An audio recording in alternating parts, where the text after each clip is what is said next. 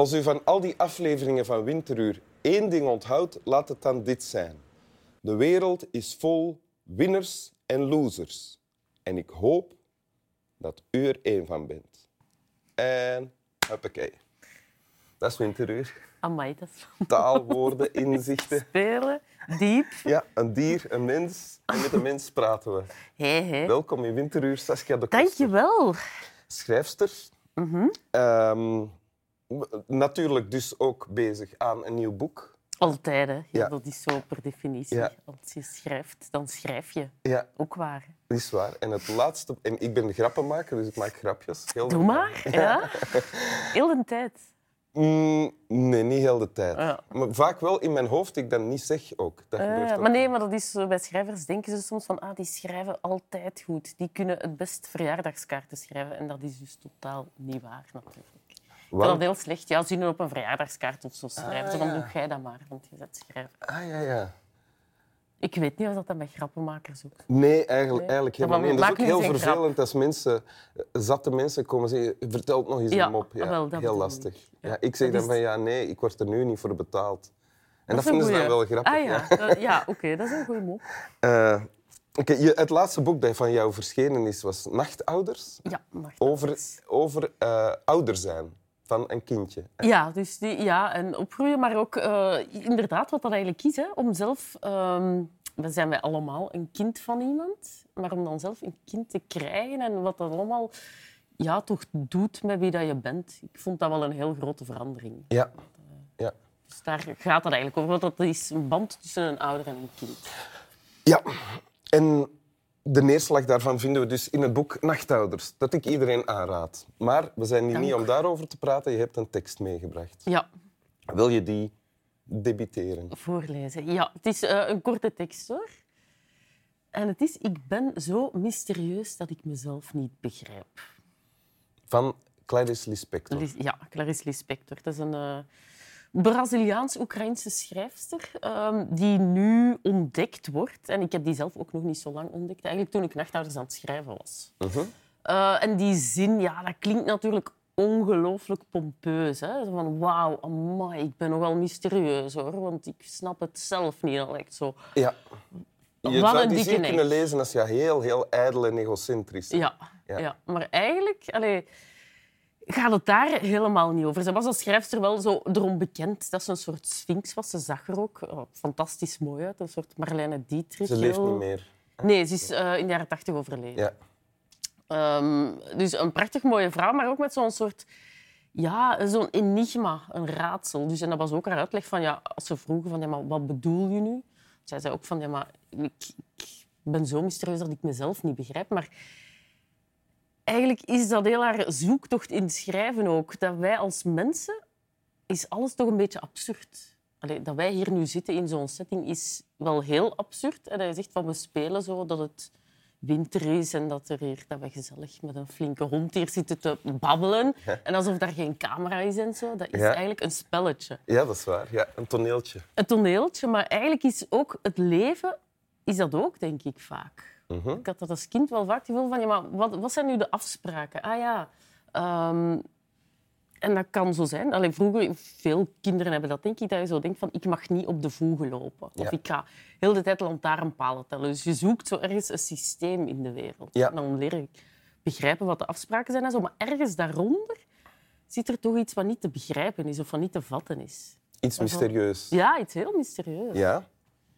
En ik vind dat ook mooi. Alleen dan kan je zo zeggen van oei, dat is misschien heel erg. Of dat is hè, de, de absurditeit van het bestaan.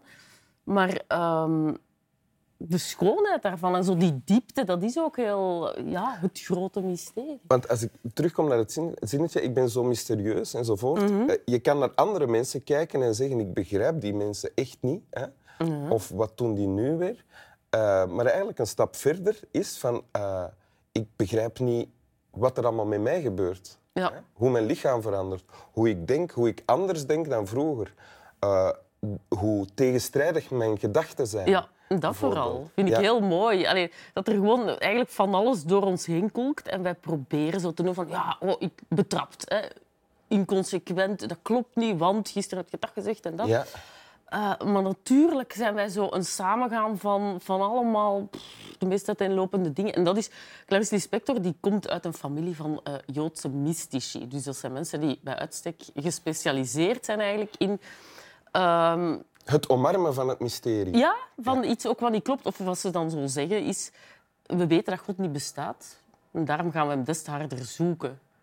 Zeggen Dus dat dat? Ja, dat is zo'n beetje de traditie waar zij uitkomt. Ah ja. En ik vind dat prachtig, want voor mij is dat ook wat, dat wij, wat dat wij allemaal doen. Allee, of tv maken of schrijven of zo. Dat is ook een zoeken naar iets waarvan dat je weet, ik ga daar toch altijd naast zitten. Of Ik kan ernaast nooit vastgrijpen. ja. Ja. En dat is ook bij jezelf, denk ik. Dat je zo weet van...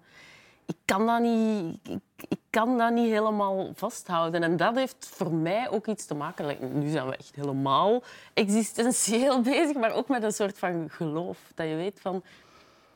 Ondanks het feit dat niet alles zo eh, duidelijk is en helder en in regels en dingen, dat er heel veel ontsnapt, ga ik toch proberen om mij daarmee bezig te houden. En kan ik ook de schoonheid zien van, ehm, Van die wat, van dat eilen van van, de- ja, van wat helemaal niet klopt en zo. Ja. Daar schrijft zij heel de tijd over. Ik vind dat prachtig. En doe jij dat ook? Je zegt, eh, ik ga mij daarmee bezighouden met dat wat, wat, wat niet vast te pakken valt. Ja, ik denk dat dat voor, mij is dat toch ehm, een van de redenen waarom dat ik schrijf. Want jouw manier om dat te doen is schrijven dan. Ja, Ja. om zo eh, daarmee bezig te zijn eigenlijk. En te weten van, er is geen oplossing. Ik ga nooit ehm, het boek kunnen schrijven waarin dat ik nu eens echt duidelijk zeg van zo zit het. Maar ik wil dat wel de hele tijd proberen. Maar in het volle besef, dat zal nooit lukken. Ja, Gerard Reven, eh, die is, toen hij weet ik wat, zich be- bevangen wist door, door het mysterieuze van het bestaan, is die katholiek geworden. ja. Gebeurt zo, kan zoiets met jou dan ook gebeuren? ja maar ik vind... eh, ja, ik heb eigenlijk mijn eigen privégodje. Oh, Ja. Allee, en die staat hier. In witte, witte inkt getatoeëerd. oh ja. Ja, dat is heel... Allee, eens bijna onzichtbaar, zien. maar ik- Dit is een, een soort foetusachtige vorm? Ja, dat is gewoon een, figuurtje. Maar toen ik allee, zo op je achttiende, hè, dan is het zo van, ah, wat ga je worden, wat moet je doen? En ik wist van, ik, ik wil eigenlijk altijd schrijven. Dus ik ga, daar, ik ga dat officieel maken, zo'n soort stempel. Ja?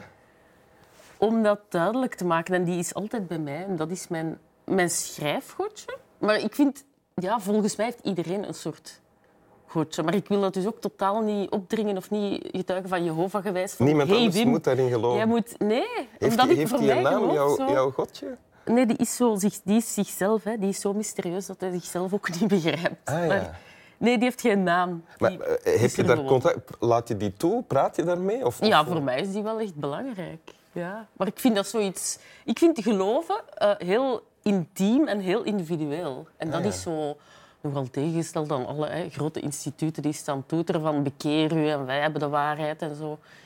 Ik Dus- denk dat je dat zelf... Dus jij beleidt je geloof zonder rituelen? Want dat is iets van, van heel veel soorten geloof, dat er een rituelen Ehm, die met veel mensen samen gedeeld worden. Ja, nee, ik heb zo wel momenten natuurlijk dat ik daarmee communiceer of zo. Maar ehm, nee, ik heb geen, geen doop of geen eh wierook of zo, dat niet. En, en, en je, je zoon, je zoontje, die nu vijf is, Mhm. of je partner, be- betrek je die daarbij? Of is dat echt puur Nee, omdat ik echt zo vind van... pff, dat moet niet. Je moet niet geloven. Maar ik geloof eigenlijk niet dat mensen niet geloven. Mm. Omdat je anders niet kan bestaan. Als je zo de hele tijd denkt van... Oh, het leven, wat voor zin heeft het? Dan kan je niet bestaan. Allee, dan kan je maar beter zo snel mogelijk richting uit gaan gaan. En wij willen allemaal al heel lang leven en 120, 130 jaar worden, omdat er toch iets is wat ons hier ongelooflijk boeit en bezighoudt. Ja. Dus dat vind ik al een vorm van geloof. Ja. Dank u, prachtig. Wil je je tekst nog eens voorlezen? Ja. Of debiteren? Dus Clarice Lispector die zegt, ik ben zo mysterieus dat ik mezelf niet begrijp. Dank u. Wel.